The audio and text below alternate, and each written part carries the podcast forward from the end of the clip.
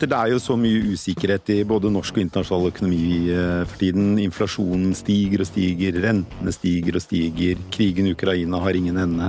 Det er, eh, det er mye dystert, og eh, det er vel ingen grunn til å kjøpe aksjer nå, er det det?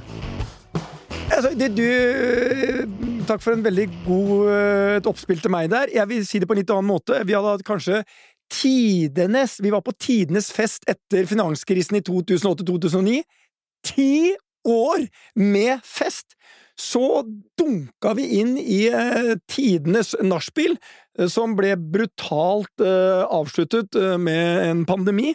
Så tenkte vi nå er vi på vei inn i en ny fest, er, men så kom da alle disse tingene du nevner.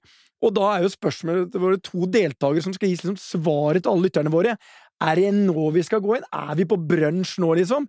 På sommer og på vei inn i en tidlig fest? Eller er det grunn til å sitte helt stille i båten og vente? Og hvis du sitter med cashen som du har, Per, og venter nå, så vet du at den cashen er verdt mindre om tolv måneder enn er i dag, og enda mindre om 24 måneder. Det er jo det den er. Ja, er, Det er kanskje ikke ditt største problem etter alle dine investeringer i fast eiendom. Jeg skjønte ikke hvorfor du trakk nei, meg inn i nei, det der med mye cash. Og vi har jo noen som kan også gi svar på om rentebindingen din, eh, som du kanskje Du bandt ikke alt. Nei, jeg bandt en tredjedel av lånet mitt. Om du kanskje skulle bundet litt mer. Ja, jeg skulle ha gjort det. Ja, men eh, som den gambleren du er, så skal vi få svarene her i dag, så da gjør du introen. Ja, men altså, det, vi har jo de perfekte gjestene, som vi alltid har. Kjersti Haugland, sjeføkonom i DNB, Olav Chen, eh, som er leder for allokering og globale renter i Storebrand. Velkommen til dere. Tusen takk. Takk, takk. Eh, vi kan ta det, det siste først. Eh, Begynner renta. Jeg bandt på 2% i fem år. Mm. Det var jo en eh, veldig, veldig god beslutning, tenker jeg. Eh, burde man nå binde renta? Nå som eh, eh, Altså, alt tyder vel på at renten skal videre opp, men fastrenta har jo også steget ganske mye siden jeg hadde så flaks at jeg har valgt å binde. Det er akkurat det. Fastrenten har jo steget en god Mm. del, og jeg holder fast ved det jeg alltid har sagt. Om du skal binde renta, så bør du særlig som privatperson eh, ikke ha et formål på det om å tjene penger. Det må være en beslutning du gjør, mener jeg, helt ærlig, på hva slags økonomisk situasjon du har, om du tåler en renteoppgang. Fordi det er ingen tvil om at det er en del risiko for tida for at rentene kan stige enda mer enn det både meg og kanskje også Olav ved min side her eh, har fantasi eh, akkurat nå til å se for oss. Fordi vi er inne i en veldig uoversiktlig situasjon som vi skal snakke mer om. Så det er ikke sånn at rentene ikke kan stige en god del mer enn det fastrenten har steget, Mm. for all del. Men det er jo ikke min hovedteori. Det er ikke det jeg tror mest på, men det er veldig mange Ja, usikkerhetsmomenter. fordi det er, jo, det er jo veldig interessante tider vi har, fordi nesten alle beslutningstakere, både i politikken og i næringslivet, eh, har ikke opplevd den situasjonen vi står overfor nå, økonomisk. Altså, vi, nå er plutselig økonomisk historielitteratur blitt interessant igjen, for man ser tilbake til tidlig 70-tallet, og hva var det som skjedde da? Er det det samme vi skal oppnå, oppleve igjen? Eh, da var det vel stagflasjon man eh, fikk som uttrykk, at man hadde høy inflasjon og eh, beskriv det økonomisk situasjon da. Inflasjonen var veldig høy, og så var det stagnasjon i økonomien. Ja. Lav vekst, da. Stagnerende, eh, stagnerende vekstbilde. Og vi ser vel tendenser til det. Du refererer til eh, 70-tallet og eh, kall det høyinflasjonsregime, og da man for så vidt innførte inflasjonsmål og styring også. også. Så på mange måter har man ikke hatt sentralbanker med dagens politikk i en sånn situasjon som vi ser i dag. Mm. Fordi man innførte inflasjonsmålet og inflasjonsstyringen etter stagflasjonsperioden på 70-tallet på mange måter. Mm. Så sånn sett er det det jeg kaller nybrotts... Ikke arbeid, men nybrottsterreng da, i forhold til sentralbankene også. Og det er det som skaper ekstra stor usikkerhet i markedene også. Det er ikke sånn at det er krise i dag i amerikansk økonomi, men aksjemarkedet oppfører seg som om det er krise imminent eller umiddelbart. Mm. Men arbeidsledigheten i USA da, den er på 3,5. Det er laveste siden 1960-tallet. Mm. Faller det et par punkter til, som det er høy sannsynlighet for at det gjør, så er det lav siden 50-tallet. Så det, sånn sett så er det ikke helt på en måte eh, Kall det situasjonen som vi har hatt de siste 20 eh, år, i forhold til hvordan, hvordan vi ser. Men samtidig så ser vi ting som er litt rart. Så at selv om arbeidsmarkedet eller arbeidsledigheten er såpass lavt, så er konsumenttilliten kjempelavt. Ikke like lav i USA som i resten av verden, men du ser på Norge, Europa.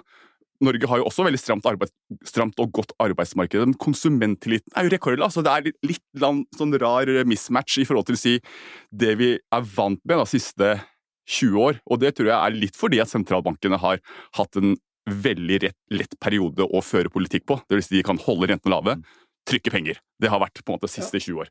Den friheten tror jeg ikke de har eh, fremover nå. Men er du bekymret nå fremover. Ehm, jeg tror det blir veldig krevende å komme tilbake til 2% Tror vi kan få en situasjon hvor de aksepterer kanskje litt høyere inflasjon, la oss si 4 og får mer kontroll også på rentebildet, eller tror de skal ned til 2 jeg tror de er villige til å akseptere noe høyere, men jeg tror fortsatt fire Nå prater vi om tall, men vi prater, vi prater, faktisk om akkurat det du spør om nå. Eh, fire er fortsatt litt høyt, i hvert fall over tid. Men ser vi tretallet, eller i hvert fall utsikrer de tretallet, så kan de fort bremse opp og i, i faktisk verste tilfelle kutte hvis vi får en resesjon også. Men, det, men problemet er Det det står på, er Du klarer ikke tegne et bilde med inflasjon. At du får en inflasjonsbane ned til 2-3 med mindre du tegner også et bilde om at arbeidsmarkedet er nødt til å reverseres. For hvis du holder på et arbeidsmarked som er det strammeste siden 50-tallet, ja. så vil lønnsveksten holde seg høy. På, nå er den på 6-7 i USA. Vi tror ikke at det nødvendigvis er eh, tilfellet med dagens eh, arbeidsledighetsnivå, men bare det at den holder seg, så får du ikke en lønnsvekst ned til 3-4% som er konsistent med 2 Det er det som er det, Ja, fordi for det, for så, så, så, lenge arbeidsmarkedet er så stramt, så er det jo høy konkurranse om å ansette folk, som gjør at arbeidstakerne da kan si ja, men altså hvis du ikke gir meg en lønnsøkning for å kompensere for den prisstigningen jeg opplever når jeg skal ut og handle mat, eh, så, så finner jeg en annen jobb. Nettopp! Og, og det, er det, er det som er problemet, at du har nådd taket i økonomien. Det liksom alt, liksom, jeg syns det er et sidespor. Det har vært viktig, det med eller, uh, Krigen og energiprisene har bidratt til at inflasjonen er høy, men egentlig så er det et sidespor i forhold til at, nei, at sentralbankene strammer inn og inflasjonen mm. uh, er et problem. Jeg har en hypotese om at hadde ikke hatt den krigen og de, de høye energiprisene, så og det dratt inn kjøpekraft av husholdningen, så faktisk, ville faktisk renten vært enda høyere. Fordi det har allerede dratt inn kjøpekraft. Så jeg mener det egentlig er et sidespor i forhold til å argumentere for hvorfor sentralbanken strammer. Sentralbanken strammer fordi økonomien har nådd taket. Det er mm. det som er problemet. Jeg, som ikke er politiker, kan si at arbeidsledigheten kan bli for lav, men ingen politiker kan si det. Kan, men i, i, i, i, Norge er jo realiteten ja, ingen De kan jo ikke si det. Er du enig i det? Ja, er du enig i det, Kjersti, at, at det, vi ville sett mye av det samme presset og den samme renteøkningen uansett om vi hadde hatt krigen i Ukraina? Ja, det tror jeg. Jeg tror Vi var allerede før krigen brøt ut, oppe på ekstremt høye nivåer på inflasjonen. Og vi så nettopp at økonomiene, og ikke minst i USA, da, var overoppheta. Mm. Og det har vært veldig masse snakk om at den høye inflasjonen etter pandemien, ja, det er tilbudssideeffekter, det var problemer på tilbudssida, det er derfor inflasjonen har gått så høyt opp. Jeg er helt uenig i det. Vi ser jo på status i økonomien nettopp at økonomiene er veldig varme, Eh, det er veldig stor krig om arbeidskrafta. Det er nettopp et symptom på at etterspørselen har vært knallhøy. Og hvorfor har den vært knallhøy? Jo, en veldig stor del av det er jo den pengeinnsprøytingen som var mm. eh, i kjølvannet av pandemien, og ikke minst i USA. Sant? Flere runder med støtte, sjekker ut til hele befolkningen og veldig høy arbeidsledighetstrygd som løfta amerikanske husholdninger sine inntekter gjennom pandemien. Så du er tilbake til den gamle Philips-kurven, tror jeg, som jeg hadde jeg i 1986? Det kom jeg på akkurat nå! jeg, den trodde jeg var død og begravet, men den har fått sin heder og verdighet igjen. Så, så var det, ja, Rett før så var det prat om folk, folk om at Philip skulle være død. Før pandemien. Ja. så pratet Jo, man pratet også om det! Men nå er det alive and uh, shiny. ja, og ikke minst pengemengdeteorien. Altså, ja, mengden dollar ute i den amerikanske økonomien. Eller mengden euro og euro, men særlig dollar ja. ute i den amerikanske økonomien. For det var der stimulansene var størst. Mm. Økte i et tempo vi aldri har sett maken til, heller ikke på 70-tallet. Så det er jo ikke rart at inflasjonen er veldig, veldig høy. Og nå står vi jo i den situasjonen at Olav sier at vi kan ikke kjøre på med pengepolitikk for å stimulere økonomien nå når det, går, når det begynner å bytte. For, eh, nettopp fordi at eh, dette er selve problemet bak inflasjonen. Men det er òg finanspolitikken. Den kan heller ikke trø til med masse støttepakker. for gi gjør de det, så får vi enda mer ved på bålet til dette inflasjonsproblemet. Så vi har en veldig eh, spesiell situasjon for alle myndigheter, for de kan ikke hjelpe til på samme måte som i andre økonomiske nedgangstider. Men hva kan man gjøre som ikke er inflasjonsdrivende?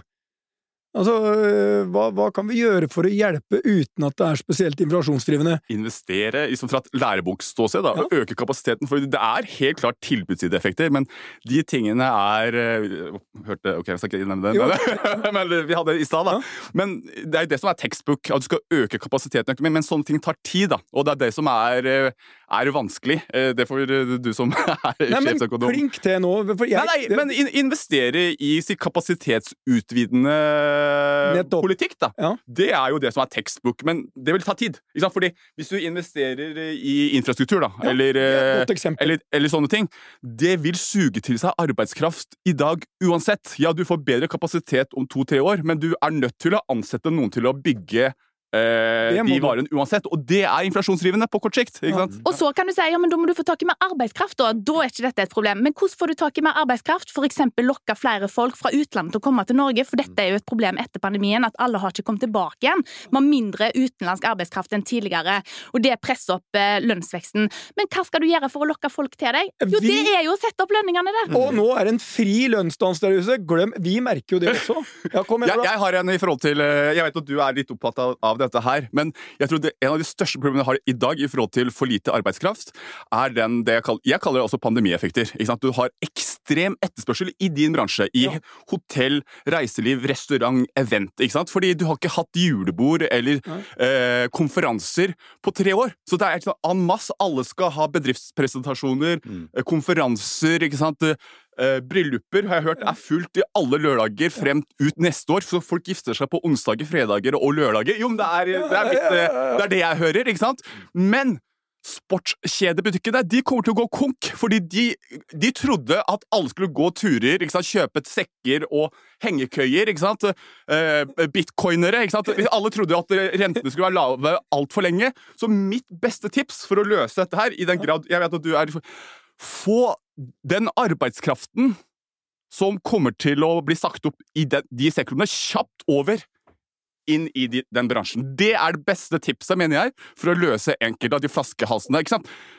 Ta et helt bare Butikk- og lagermediearbeider i sportskjedene må fort som F begynne å jobbe i event-hotellbransjen. Og nå, det er, nå, må jeg eh, sitere, Nå må jeg bare sitere eh, Skiens store sønn Åge Samuelsen, også herrens hurragutt, eh, eh, på det Olav sier. Halleluja! Ja, det var eh, som musikk i dine ører, Petter. Det, eh, det er jo sånn at eh, det, det ser jo ut til at det eneste som kan eh, stoppe inflasjonen, både i Norge og ellers i verden, er nettopp det å øke arbeidsledigheten. Og så er det jo ingen politikere som ønsker å si det, at vi er nødt til å få opp arbeidsledigheten for å få bukt med inflasjonen. Så de lar det være opp til sentralbanken men, å løse. Men, men gi meg da nå, nå, La oss bare gå til vårt naboland Sverige. Der er arbeidsledigheten 7-8-9 litt avhengig av hvor du er. Ikke som i Norge et par. Der, men de har jo samme inflasjon.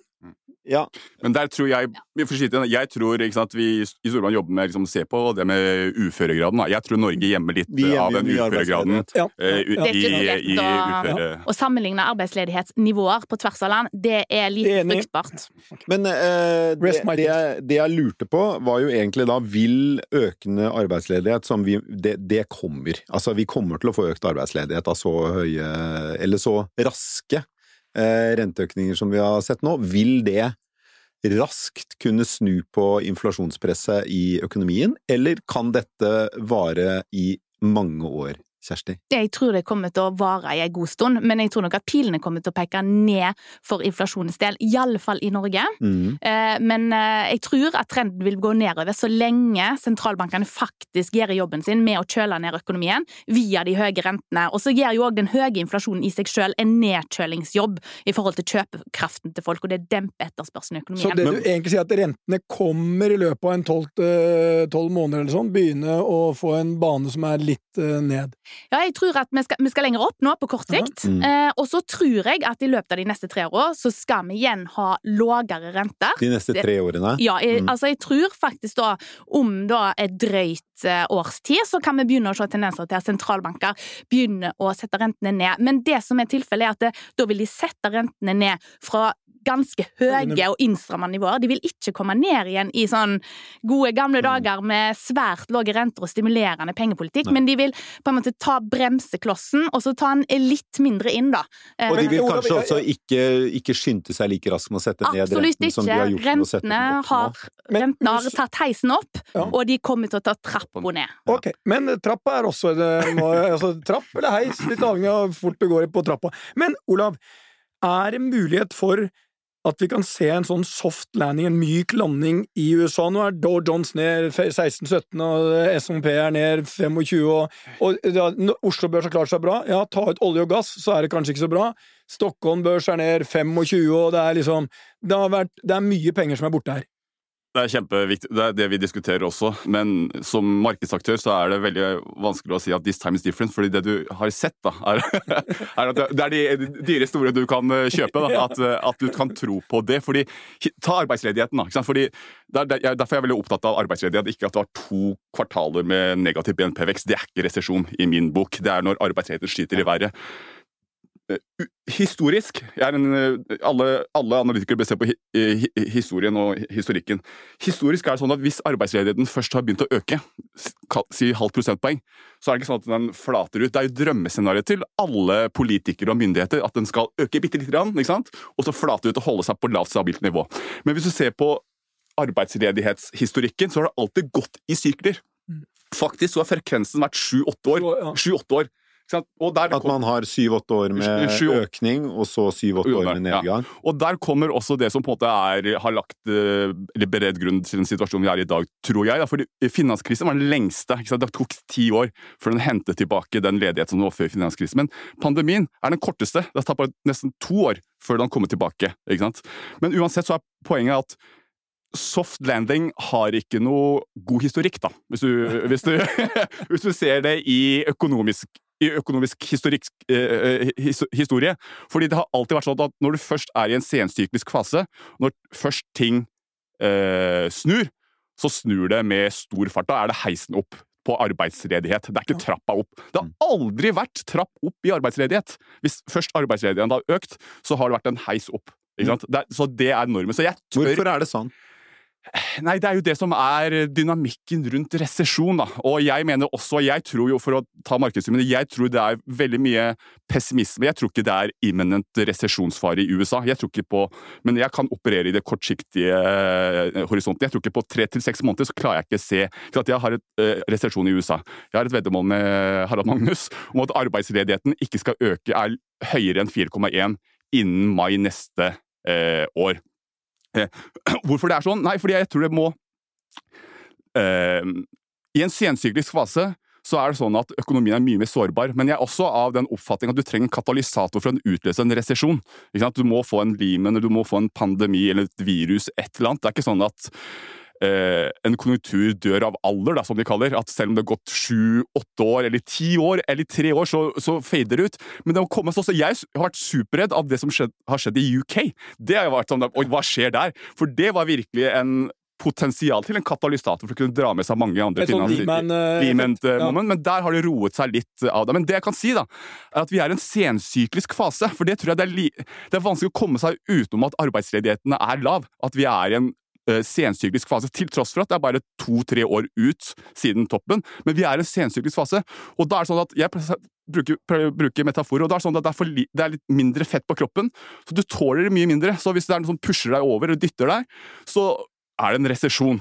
Bruk det som metafor. Mens i en tidlig fase så har du mye mer slack på kroppen. Økonomien har ar billig arbeidskraft, du kan vokse mer fra et dårlig nivå. Men når du har nådd taket, så er det ikke så mye fett på kroppen til å absorbere sjokk, da. Og der er vi nå. Så jeg er mer problematisk i forhold til Jeg tror ikke på det, men skjer det ting sånn som i UK i flere omganger, kommer det et eller annet som Credit I Suisse man prater eller om. nå har vi døpt Ja, om det til Britterly. ja, Britterly. jo, man prater også Credit Suisse, ikke sant? At de har slitt med ja. sånne ting. Sånne ting er jeg supervar på, men det at jeg tror kan, Det kan være like mulig at du får en laveste arbeidsledig på 50-tallet Mm. først, før du får en katalysator. Og det er ikke lenge til før du på en måte ender en krise. Eh, Kjersti, eh, litt tilbake til This Time It's Different. Og, eh, i, I mange år så er vi jo blitt vant til at Norges Bank de styrer etter det de kaller kjerneinflasjon, som da er inflasjonen uten mat og, og energipriser. Faktisk i Norge er det med mat. Er det med mat men i uten Norge? energipriser. Men uten energipriser. Ja, ok, så det er litt sånn forskjellig Ja. fra land til land. Mm. Eh, Men, det har jo vært mantraet mantra i hele den vestlige verden i flere tiår nå, at, eh, at du skal styre etter kjerneinflasjonen. Mm. Og så ser vi at er, mat og energiprisene er jo det som virkelig biter på husholdninger flest, og som også er sterkt inflasjonsdrivende på det sentralbanken har vært opptatt av, nemlig kjerneinflasjonen. Mm. At det, det ser jo ut til at eh, sentralbankene er nødt til å tenke ganske nytt rundt hva de skal vurdere som viktig og uviktig inflasjon.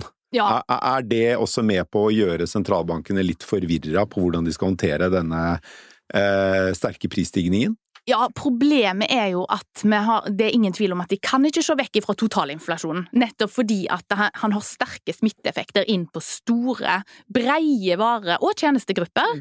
Altså kostnader øker, og da ser vi at prisene veltes over, og, og kostnadene veltes over, og prisene øker på, på mange forskjellige varer og tjenester. På et stadig større antall varer og tjenester, faktisk, både i Norge og i andre land.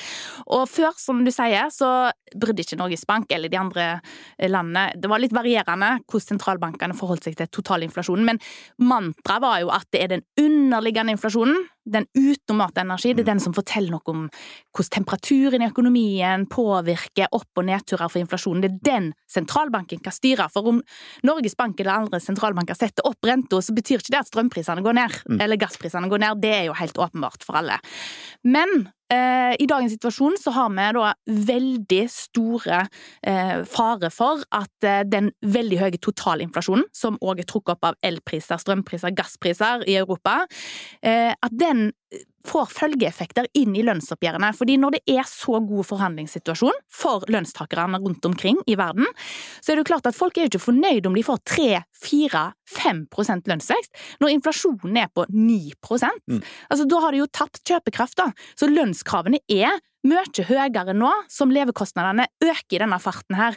Og det er sånn at folk har blitt mye mer bevisste på hva inflasjonen er. For når inflasjonen er skyhøy, da begynner folk å tenke over dette her, og blir mye mer bevisste på nettopp hva de krever, nettopp hvordan de gjør planene sine framover, osv. Og, og det er det sentralbankene ikke vil ha noe av. Vi vil egentlig ha et regime der folk flest ikke tenker på inflasjon. Men- Den bare surrer og Men- går på et lågt nivå. Jeg, jeg skal bare komplisere det litt, og det er, nå eh, kan jeg lett bli arrestert av eh, alle tre her sånn. Men jeg har et scenario hvor politikere nå innenfor EU ser én ting. Vi må investere tusener av milliarder i å bli mer selvforsynt. Altså, de vil ha, være helt uavhengig av Russland, av Kina, av alle andre. Det er innenfor forsvar, innenfor energi, fornybar, alt. Og når de bestemmer seg, når motoren i Tyskland ser Nei, nei, vår industri kan ikke leve med de gassprisene vi har i dag, og det er maktpåliggende å løse det, og vi har ikke de jævla to, tre, fire, fem årene som du snakker om, vi har kort tid. Hva vil skje? Altså, jeg tipper at det, det er Vi snakker om tusenvis av milliarder. Fortell meg hvorfor ikke de skal ta beslutningen om at det må vi gjøre, og de investeringene. Hva vil det bety? De vil jo gjøre det. Jeg er jo helt enig med deg. At de kommer jo til å investere masse nå. I Tyskland, i Europa. Jeg tror på en investeringsboom i Europa. Nettopp på grunn av akkurat det du sier. Men det som er mer bekymrende, bekymringsfullt i det scenarioet, om det skal være litt sånn djevelens advokat, da jeg, ja, jeg tror jo at det kommer til å føre til høyere, vedvarende høy inflasjon Ja, det det og vedvarende høy, høyere renter. Ja. Ikke sant? Ikke sant? Du tegner et bilde som markedet priser at det blir kutt og litt tilbake til normalen. Det er, det er det jeg føler markedet føler også. at de, ja, Det er waiting game ikke sant? Ja. i eiendomsbransjen. Vi venter. vi venter ser. Det har gått bra de siste 30 år ved å, ved å vente, Mm. men jeg er ikke så sikker på denne gangen her. Jeg tror liksom selv om inflasjonen topper ut og sånne ting, så kan nivået på rentene holde seg høyere. Og det som du sier, ikke? Vi, jeg satt i et utvalg for oljefondet, akkurat det vi så på. Geopolitikk er kjempeviktig nå, ikke sant? det som skjer i Russland. Mm. Men hva betyr det? Flere forsyningskjeder. Hvis, hvis Tyskland ikke skal bli avhengig av eh, varer fra Russ, gass fra, fra Russland, men også varer eh, fra Kina, Ennå. må, bygge opp dine egne forsyningskjeder. Ja. Det, det blir dobbelt opp. Det er, sant? Handel er jo egentlig et spesialiseringsfelt. ikke sant? At du på en måte gjør at eh, du er best på det, så gjør jeg det, og så gjør jeg det andre, så handler vi. Men hvis du får to separate verdener, så mener jeg jeg vil ikke si dobbel pris, men det blir i hvert fall høyere pris og litt vedvarende inflasjon. Og- Og da får du høyere vedvarende rente, spør du meg, da. Før pengetrykking ble en viktig del av uh, måten sentralbanker styrte økonomien på, så, så var jo nettopp globalisering den fremste drivkraften for lavere renter i, i hele verden. Mm. Det, var, det var jo fremveksten av Kina spesielt som gjorde at vi fikk veldig, veldig lave renter. Mm. Og hvis vi nå snakker om deglobalisering og vi skal investere mer regionalt for å sikre forsyningene våre bedre, så vil man jo forvente at det stikk motsatte skjer. Ikke sant? Ikke bare pga. geopolitikk, men også pga. pandemien. Du så jo under pandemien yes. at du må ha egne fabrikker som produserer munn, munnbind og ja. alle sånne viktige utstyr. Ikke sant? Du kan ikke være avhengig av forsyningskjeden som er ganske lang. Så, så eh, hvis vi ser bort fra det som skjer med renten og inflasjonen akkurat her og nå, som er kanskje litt at alle er litt sjokkerte og må tilpasse seg til best mulig evne, sette opp renten med 50 punkter eller, eller enda mer, mm.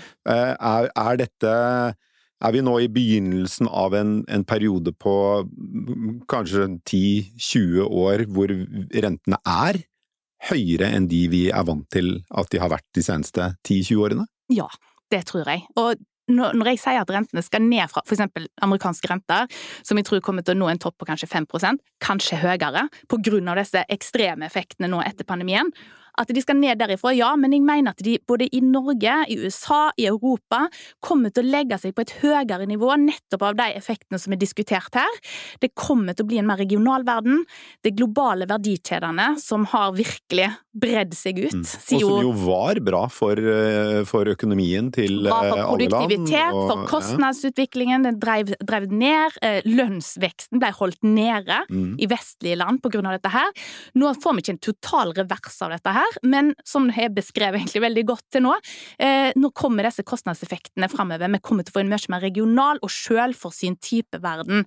Og det vil koste, det vil være mindre produktivitetsvekst, det vil være høyere kostnadsvekst, og det vil òg være høyere lønnsvekst og høyere inflasjon, og ergo høyere renter. Så det må vi Men bli vant med. Men fortsatt så snakker vi om at vi har sannsynligvis eh, negative realrenter fortsatt. Altså hvis inflasjonen vår er på 6-7% og renta er på 4 Akkurat nå, ja. Nå. Mm. det er klart, hvis det snur, da får vi også et annet bilde. Tror dere at det kommer til å snu? At vi får uh, altså, jeg, jeg, Høyere renter enn inflasjon? Ser vi på hva som skjedde på 70-tallet, eh, som sentralbankene er veldig eksplisitte nå og forteller at dette er de redd for at skal gjenta seg, ja. Eh, så var det flere runder der sentralbankene ja, de satte opp rentene som respons på høyere inflasjon, men når resesjonen kom, så satte de den raskt ned igjen. Inflasjonen gikk ned, men så bare klatra den opp eh, videre og nådde stadig høyere nivåer. Og til slutt så måtte jo da sentralbanksjefen på begynnelsen av 80-tallet sette renta opp til nesten 20% og sette den altså høyere enn inflasjonen. Og akkurat nå så har jo renta steget masse, syns vi. Vi syns det er en dramatisk utvikling, særlig for amerikanske renter. Eh, men hvis vi ser tilbake igjen på 70-tallet, så er det ikke særlig dramatisk den renteoppgangen vi har nå. Iallfall ikke i forhold til inflasjonen. Så det jeg mener er at det er veldig vanskelig for oss å å sette oss inn i en situasjon der rentene faktisk er nødt til å stige mer enn inflasjonen. Men vi kan ikke utelukke at det må til. Det er historieløst å si at det skjer ikke nå. Ja, det, det, er dramatisk hvis det scenarioet inntreffer. Det er vi nødt til å forholde oss til. Vi kan håpe på det beste, sant? men vi må være forberedt på det verste. Hva tenker du? Er du, Nei, er du optimist, eller er du litt pessimist? Av person så er jeg eh, optimist. Og jeg er enig med det, det Kjersti har sagt. Jeg er mer hva skal jeg si, konstruktiv og optimistisk på tre til seks måneders eh, horisont, men jeg, jeg, klarer ikke å komme utenom at vi kommer til å se en ny resesjon i USA med økt arbeidsledighet innen eh, en periode på 12 til 48 eh, hva, 12 til 24 måneder. Hva, hva, hvor mye av det som skjer i USA, smitter over på oss? Det vil, det vil, smitte over. Hvor mye? Norge er unik i forhold til handlingsrom på finanspolitikken, men vi er en liten åpen økonomi. Så hvis det blåser i USA, sånn rent økonomisk, så vil det merkes i Norge. Det har jo aldri liksom vært, uh, vært immune sånn sett. I, uh, I, gamle dager, altså for et år siden, så var, uh, var det som en lav rente var på sånn var det 1,5% eller noe sånt. Jeg, jeg brydde meg ikke helt om rentenivået før i tida. Det er jo nå man er blitt så opptatt av det. ikke sant? Det var ikke så viktig, men ja. jeg mener den var sånn rundt 1,2-1,3 mm. sånn lave, lave renta. Eh, hva er den nye lave, lave renta i, liksom, i et 10-15-årsperspektiv nå? Snakker vi om at gulvet nå er ja, er det 34? 5? 34. Ikke så dumt eh, anslag, det. Jeg tror vi, vi, kommer til å venne oss til et annet rentenivå. Mm. Mm. Altså Den tiden med de der, som alle sa, det er en uh, ny tid, denne tiden er annerledes. Mm. Jeg tror bare vi kommer tilbake til en normalisering som ligger rundt 3-4 mm. Og så tror jeg det uh, kommer vi til å klare ganske fint, når vi bare har tilpassa oss. 34. Til, fordi sant, Det som har skjedd nå, er dramatisk for hvor kjapt det har gått.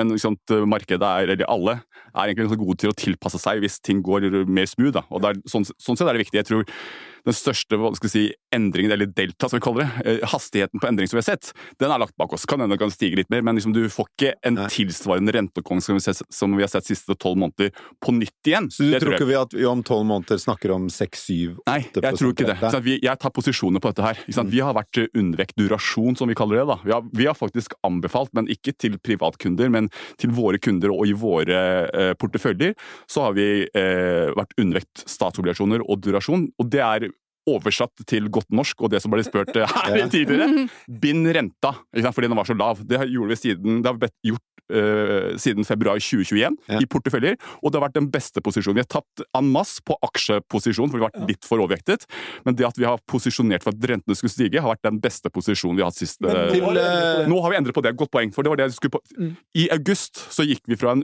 undervekt durasjon Det er til en normalvekt. Det vil si, vi, vi sier ikke at eh, du skal posisjonere for motsatte, eller at renten skal falle, men vi tror ikke på en tilsvarende like stor renteoppgang som vi har sett foregående eh, 16 måneder, eller 18 Og hvis vi da bare hopper raskt over til det vi snakket om innledningsvis, som gikk på børsen og aksjekurser, er det da grunn til å tro at eh, vi ikke vil få de fallene i aksjekursene fremover som vi har hatt til nå i år?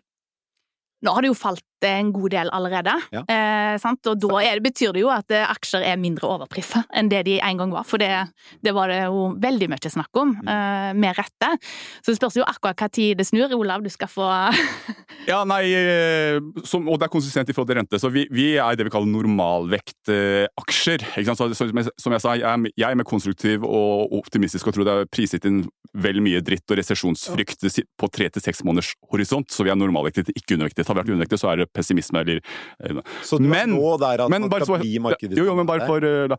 Men på 12-24 måneders horisont, som jeg nevnte, så er jeg mer pessimistisk, for da tror jeg det kommer en resesjon. Og i en, i en reses, resesjonssituasjon så vil aksjemarkedet falle lavere enn den bunnen vi har Mm. eh, nå. Så nå vil jeg ikke anbefale, vi anbefaler ikke folk til å Det kommer an på horisonten din, men jeg anbefaler ikke folk til å dra time. Jeg gjør jo det, men det er min jobb. Mm. Men jeg anbefaler ikke folk til å gjøre det. Men hvis folk spør meg, så er det svaret. Men Ikke Bare sant? At, sånn at eh, man skal forstå det du sier. Det du sier her, eh, det er, det er, det er eh, relativt eh, fornuftig akkurat markedet nå, på kort sikt, men eh, det kan bli enda billigere på litt lengre sikt.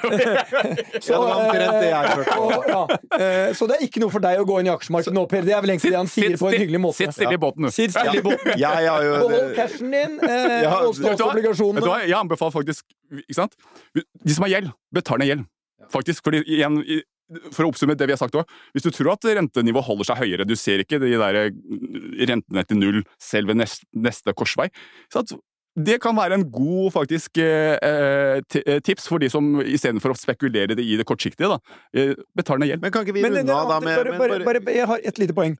Sparingen var jo stor under pandemien, Mm. og ifølge DNB, din bank, så er fortsatt sparingen ganske høy. Og de har fortsatt ikke brukt veldig mye av de pengene som jeg trodde de hadde gjort. Mm. Um, og det betyr sånn snittet av norsk befolkning er ganske robuste til å stå gjennom den litt krevende perioden vi står fremfor oss. Vi må runde av nå Ja, ganske snart, og Olav, Olav, du må løpe i et møte. Men uh, helt på tampen, uh, Kjersti. Eh, Det som er folk flest-sparing, nemlig boligprisene, Mm. eller bolig, boligene de bor i, eller hyttene de eier. Mm. Eh, Hva skjer med prisutviklingen på boliger fremover? Jeg tror nok at gjennom eh, høsten og vinteren nå, så Mm. kommer det til å være nedgang i boligprisene. Altså det vil si en viss større nedgang enn det det vanligvis er da, i, gjennom denne sesongen. Og det er jo fordi at renteøkningen har en effekt inn på folk. Og så spørs jo hvor stor den nedgangen blir i praksis. Det har jo òg noe med psykologi å gjøre. Mm. Men sånn, eh, mer sånn med fugleperspektiv og med de litt lengre brillene på, så mener vi at tilbudssida er såpass stram, og i alle fall i østlandsområdet, at eh, vi ser at det er begrensa hvor masse boligprisene faktisk skal falle. Og sånn, Rett eh, og slett fordi folk må bo. folk må bo, og det bygges veldig lite. Ja. Ja, Eh, og det har det gjort i ei stund nå. Mm. Så derfor så tror vi at eh, ettersom det er så stram balanse der, at det bygges for lite i forhold til etterspørselen, så tror vi at eh, boligprisene ikke vil falle mye. Og vi har jo sett i næringsmarkedet for eiendommer at det har falt ganske mye. Men det er klart, øh, og vi har sett noen nedskrivinger, de der som kjører det som heter sånn IFRS, altså at de markedsjusterer eiendommene sine. Det er lett å skrive opp, og nå kommer den litt uh, tunge tiden hvor du må skrive ned. Det tror jeg blir en mye tyngre diskusjon, både for selskapene, for revisorene og alle andre. Uh, jeg tror ikke det er over enda, uh, for det enkle er, når rentene går opp, så skal yielden opp, og når den går fra 3-4-5% opp i 5-6% så slår det mye. Og spørsmålet er liksom når det bunner ut Dette er jo innen næringseiendom. Ja, næringseiendom, men jeg, jeg, tror det følger hverandre. Mm. Men det er én ting også. Det har historisk, jeg tror også det kommer til å vise seg å være nå, vært fornuftig å spare i egen bolig. Så hvis du bare klarer å stå med det rentenivået vi har, Eh, så tror jeg det kommer til å gå ganske bra. Men Det er sånn waiting game i næringseiendom, er det ikke det? Det er det som jeg er redd for. fordi man, de, to, de, to, siste krisene da, de har vært såpass kjappe. Den siste var jo superkjapp, men også finanskrise på mange måter før bankene kom ja. også. Så igjen, hvis rentene som holder seg på et høyere stabilt nivå litt lengre, da, så er litt eh, Når folk må kaste kortene, det er da du får eh, snøballen til å rulle. ikke sant? Mm. For nå er kjøperne på liksom, dette nivået, og selgerne her, og de har ikke helt funnet hverandre. Ja de kommer til å finne hverandre ja. etter hvert. Ja. Så Bra. Tusen takk skal dere ha for at dere kom i studio, Kjersti Haugland og Olav Chen. Ja, snakkes vi igjen neste uke. Og jeg syns jo, bare som en uh, avsluttende kommentar, at dette var relativt optimistisk ja. i forhold til Jeg syns ikke det var så ille, Per. Nei. Jeg tror du kan sove godt om natta. Ja. Jeg er jo konstant urolig for samtlige selskaper fortsatt. Eh, som jeg sier, eh, jeg leser aviser og blir bekymra, og jeg ser på tallene innenfor hotell og reiseliv og restaurantene våre og skjønner ingenting. Takk for nå.